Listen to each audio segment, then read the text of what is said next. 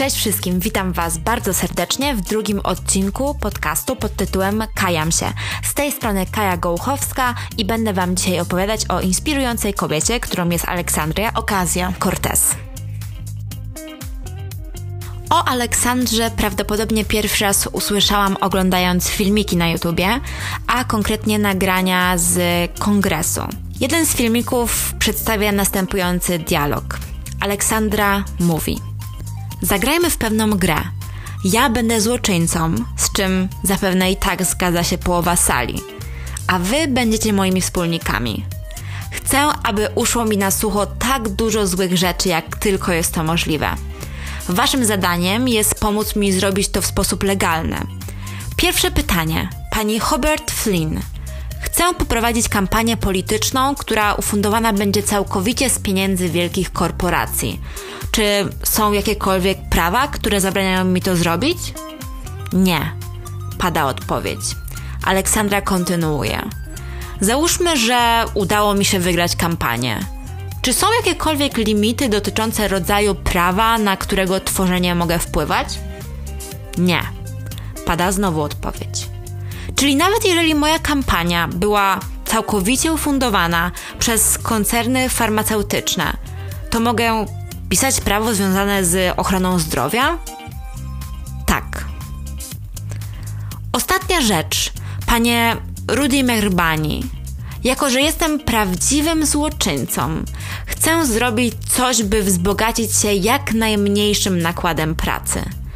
Czy jest cokolwiek, co powstrzymałoby mnie przed posiadaniem udziałów w przedsiębiorstwie naftowym, a następnie pisaniu praw deregulujących ten sektor gospodarki, co potencjalnie mogłoby wpłynąć na wzrost wartości posiadanych przeze mnie akcji? Nic nie będzie pani przed tym powstrzymywać. Moi drodzy, to naprawdę nie był fragment serialu Homeland ani House of Cards.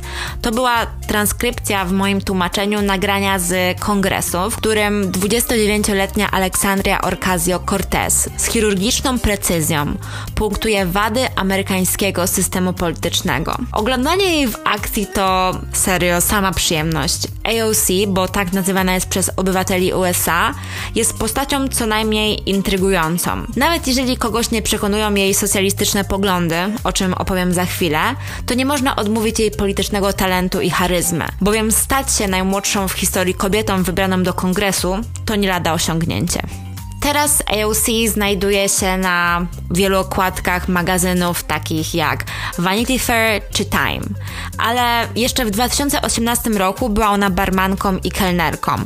Wcześniej skończyła studia na Boston University College of Arts and Sciences i tam skończyła stosunki międzynarodowe i ekonomię. Potem jednak wróciła w rodzinne strony, żeby pomóc mamie, która musiała spłacić hipotekę związaną z ich domem i to był bardzo duży problem finansowy, ponieważ e, Aleksandra nie pochodzi z bogatej rodziny, jej ojciec umarł, a jej mama jest sprzątaczką i bodajże prowadzi także autobus szkolny. Aleksandria zgłoszona została w pewnym sensie do wyborów przez swojego chłopaka, a konkretnie została zgłoszona do organizacji, która następnie pomogła jej prowadzić kampanię. I przeciwnikiem Orkazio nie był byle kto, ponieważ był nim Joe Crowley, weteran Partii Demokratycznej, który miał poparcie m.in.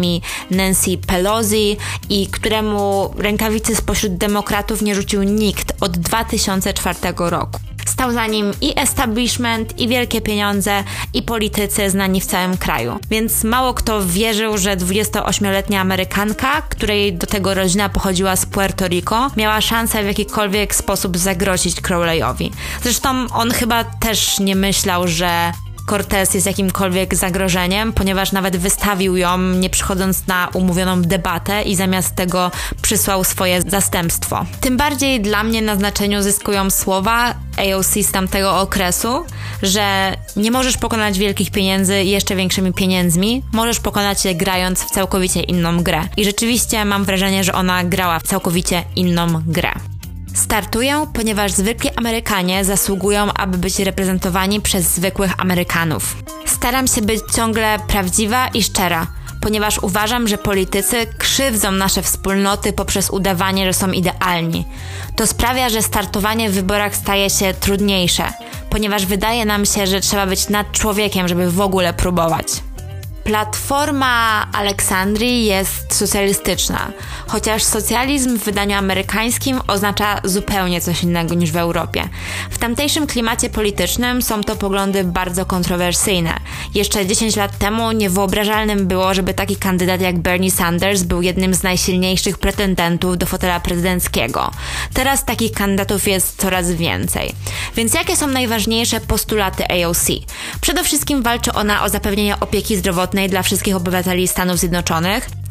Kolejny ważny postulat to wprowadzenie słynnego aktu Green New Deal, który pomimo tego, że nie został uchwalony, to rozpoczął debatę na temat ochrony środowiska w Stanach Zjednoczonych oraz zwiększenie podatków dla najbogatszych. Jej stanowiska są tak naprawdę odpowiedzią na nierówności społeczne, które w XXI wieku dotykają Amerykanów i jako reprezentantka pokolenia milenialsów tłumaczy ona, że ich życie naznaczone było najpierw wydarzeniami właśnie z 11 września, a później kryzysem gospodarczym. Nie doświadczyli oni dobrobytu poprzednich generacji, toną za to w długach wynikających z kredytów studenckich i wynajmują najdroższe w historii mieszkania. AOC to świruska. Taki elokwentny wpis pojawił się na Twitterze samego Donalda Trumpa. Republikanie nienawidzą młodej polityczki, ale ona na ich ataki odpowiada inteligentnymi psztyczkami w nosek. Tak stało się chociażby w przypadku filmiku, który został opublikowany przez anonimowego użytkownika i miał upokorzyć Okazjo. Przedstawił on ją tańczącą w projekcie realizowanym przez kolegę na studiach. Odpowiedź była taka, że AOC opublikowała na swoim Instagramie filmik, jak tańczy w kongresie. Najbardziej wpływowe kobiety w polityce. Tym gronie, według magazynu Fortune, znajduje się również Orkazjo. Jej praca w kongresie jest co najmniej imponująca. Na YouTubie, tak jak już wspominałam, można obejrzeć nagrania, w których walczy ona z przedstawicielami wielkich korporacji farmaceutycznych, czy powoduje, że Markowi Zuckerbergowi brakuje języka w gębie. Jej obecność w kongresie jest sejsmiczna, opowiada Aleksandra Rojas. Mało kto w taki sposób angażuje elektorat i sprawia, że polityka amerykańska staje się znów przystępna, interesująca, ale także merytoryczna. Już dawno wiadomo, że w Stanach Zjednoczonych liczy się show. AOC moim zdaniem przenosi je w nowe czasy, sprawnie korzysta z mediów społecznościowych, odgrywa swoją rolę z klasą i świeżością, która jest bezprecedensowa. Dlaczego mówię o tym w roku 2020, w styczniu, na samym początku lat 20. XXI wieku? Ponieważ myślę, że bardzo ważnym jest, aby znaleźć przykłady inspirujących nas kobiet. Dla mnie Aleksandria Orcasio-Cortez Cortez definitywnie jest w czołówce. Pomimo miliona przeciwności osiągnęła ona niezwykły sukces, a przede wszystkim mam wrażenie, że zrobiła to na własnych warunkach i pamięta nadal o własnej wspólnocie. Jeżeli tak ma wyglądać polityka przyszłości, to ja w to wchodzę. Może nie dosłownie, ale chcę taką politykę oglądać. Jeżeli chciałybyście dowiedzieć się więcej o AOC, to polecam Wam serdecznie dokument na Netflixie pod tytułem Knock Down the House. W tym dokumencie przedstawiona jest historia jej kampanii wyborczej oraz innych kobiet, które startowały w tym samym roku co Aleksandria. Jest to o tyle ciekawy dokument, że też pokazuje takie ogromne zdziwienie AOC, jak udało jej się zdobyć ten fotel w kongresie. I też te wybory w Stanach Zjednoczonych zmieniły bardzo wiele, ponieważ był to bezprecedensowy moment. Do Izby Reprezentantów dostało się o wiele więcej kobiet, mniejszości narodowych i ta reprezentacja stała się bardziej różnorodna. Już nie tylko sami biali mężczyźni po pięćdziesiątce. Mam wrażenie, że wybór Donalda Trumpa na prezydenta w 2016 roku bardzo wpłynął na politykę amerykańską. Przede wszystkim ludzie, którzy wcześniej bali się startować ze względu na jakieś tam ich wewnętrzne powody, teraz stwierdzili, że skoro Donald Trump mógł wygrać e, wybory prezydenckie, to także jest dla nich miejsce w polityce. I cała polityka amerykańska tak się obudziła z pewnej stagnacji i z pewnego spokoju, który był charakterystyczny dla prezydentury Baracka Obamy. Mam też wrażenie, że obie strony sceny politycznej amerykańskiej w pewnym sensie się radykalizują. Z jednej strony mamy Donalda Trumpa, który oczywiście jest ogromnym populistą, a z drugiej strony mamy takie socjalistyczne ruchy wśród demokratów i tak jak z perspektywy europejskiej dla nas oczywiście nie jest czymś kontrowersyjnym to, że każdy powinien mieć dostęp do publicznej służby zdrowia, ale z perspektywy amerykańskiej to jest bardzo kontrowersyjny postulat. Dlaczego tak jest? E, prawdopodobnie dlatego, że taką naczelną wartością w Ameryce jest wolność i oni ją sobie cenią ponad wszystko. W Europie naszą naczelną wartością jest godność, dlatego ten socjal, chociażby w mniejszym lub większym zakresie, jest widziany jako taka nierozłączna część państwa i też powód, dla którego państwo istnieje. W Stanach Zjednoczonych obywatele uważają, że państwo powinno nie mieszać się w ich prywatne sprawy i tutaj wielbiony jest ten mit self-made mana, czyli każdy z nas jest odpowiedzialny za swój los i tylko jeżeli będziemy ciężko pracować, to osiągniemy to, co chcemy. AOC i inne polityczki i politycy, którzy mają podobne poglądy co ona, zwracają uwagę, że ten mit nie jest już prawdziwy i że Stany Zjednoczone muszą zacząć konstruować swoją politykę, politykę społeczną na podobieństwo państw europejskich, takich jak na przykład Norwegia. Zapewne dla wielu Polaków jest to bardzo szokujące, że w Stanach Zjednoczonych są tak ogromne nierówności społeczne, ale tam naprawdę jest bardzo wielu miliarderów i tacy politycy jak Bernie Sanders czy AOC, o której dzisiaj mówiłam, mówią, że miliarderzy w ogóle nie powinni istnieć, ale też jest bardzo dużo osób, które nie mają żadnych oszczędności i które od całkowitego bankructwa dzieli tylko i wyłącznie, nie wiem, jedna awaria samochodu albo właśnie konieczność wizyty u lekarza. Zresztą kandydatka na prezydenta Elizabeth Warren, o której pisałam artykuł dla O Feminin, między innymi w ten sposób przeszła swoją transformację z republikanki na demokratkę, ponieważ na uniwersytecie robiła ona badania, w których odkryła, że bankructwo jest to fenomen klasy średniej. Miliarderzy nie bankrutują. Przykładu nie trzeba szukać daleko. Spójrzmy na kryzys z 2007 z 2008 roku, gdzie wszystkie największe korporacje zostały wsparte dotacjami przez rząd, ponieważ były zbyt wielkie, by upaść, too big to fall, a tak naprawdę koszty kryzysu ponieśli właściciele nieruchomości z klasy średniej i inne kraje na świecie.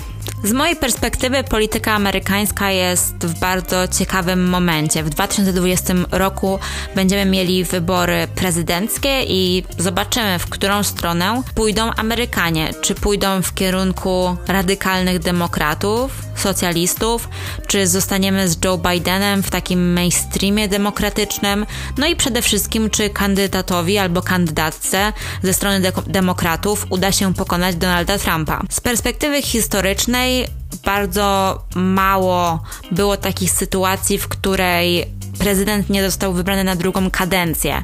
Donald Trump kończy dopiero swoją pierwszą kadencję, więc istnieją duże statystyczne szanse, że na tą drugą kadencję zostanie wybrany.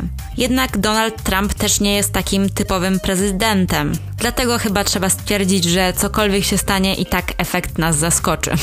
Czy jeszcze w 2007 roku byliście sobie w stanie wyobrazić, że prezydent powie grab her by the pussy albo będzie wyzywał kogoś na Twitterze od świrusów? Myślę, że nie. Przypominam Wam też, że prawie 80-letni Donald Trump zaatakował nastolatkę Gretę Thunberg na Twitterze, więc naprawdę dzisiejsze czasy są szalone. Ale paradoksalnie mam wrażenie, że ta śmieszność Donalda Trumpa wpływa na jego sytuację lepiej, po prostu ludzie przestali go poważnie traktować i przez to też nie oczekują od niego tych samych zachowań i też nie przytrzymują go do tych samych standardów, co innych polityków i innych prezydentów tak bym Wam mogła opowiadać o polityce amerykańskiej jeszcze bardzo, bardzo długo, ponieważ jest ona dla mnie interesująca. Zresztą o wiele dokładniej śledzę politykę amerykańską niż politykę polską. Prawdopodobnie dlatego, że w przypadku polityki amerykańskiej łatwiej jest mi być po prostu widzem i łatwiej się emocjonalnie tak w to wszystko nie angażować. Mam nadzieję, że podobał Wam się tego rodzaju odcinek podcastu. No i wracam do Was w kolejną środę. Bardzo dziękuję za wysłuchanie, bardzo dziękuję za wsparcie. Naprawdę wkładam sporo pracy w to, co robię, więc jak piszecie do mnie, jak udostępniacie moje podcasty, moje posty, moje prace, to jestem bardzo wdzięczna. Trzymam za Was kciuki w nowym roku. Szukajmy kobiet, które nas inspirują. Jeżeli macie jakąś postać, o której chcielibyście, żebym Wam opowiedziała, to śmiało dawajcie mi znać wiadomości prywatnej, chociażby na moim Instagramie Kaja Goluchowska. Do usłyszenia!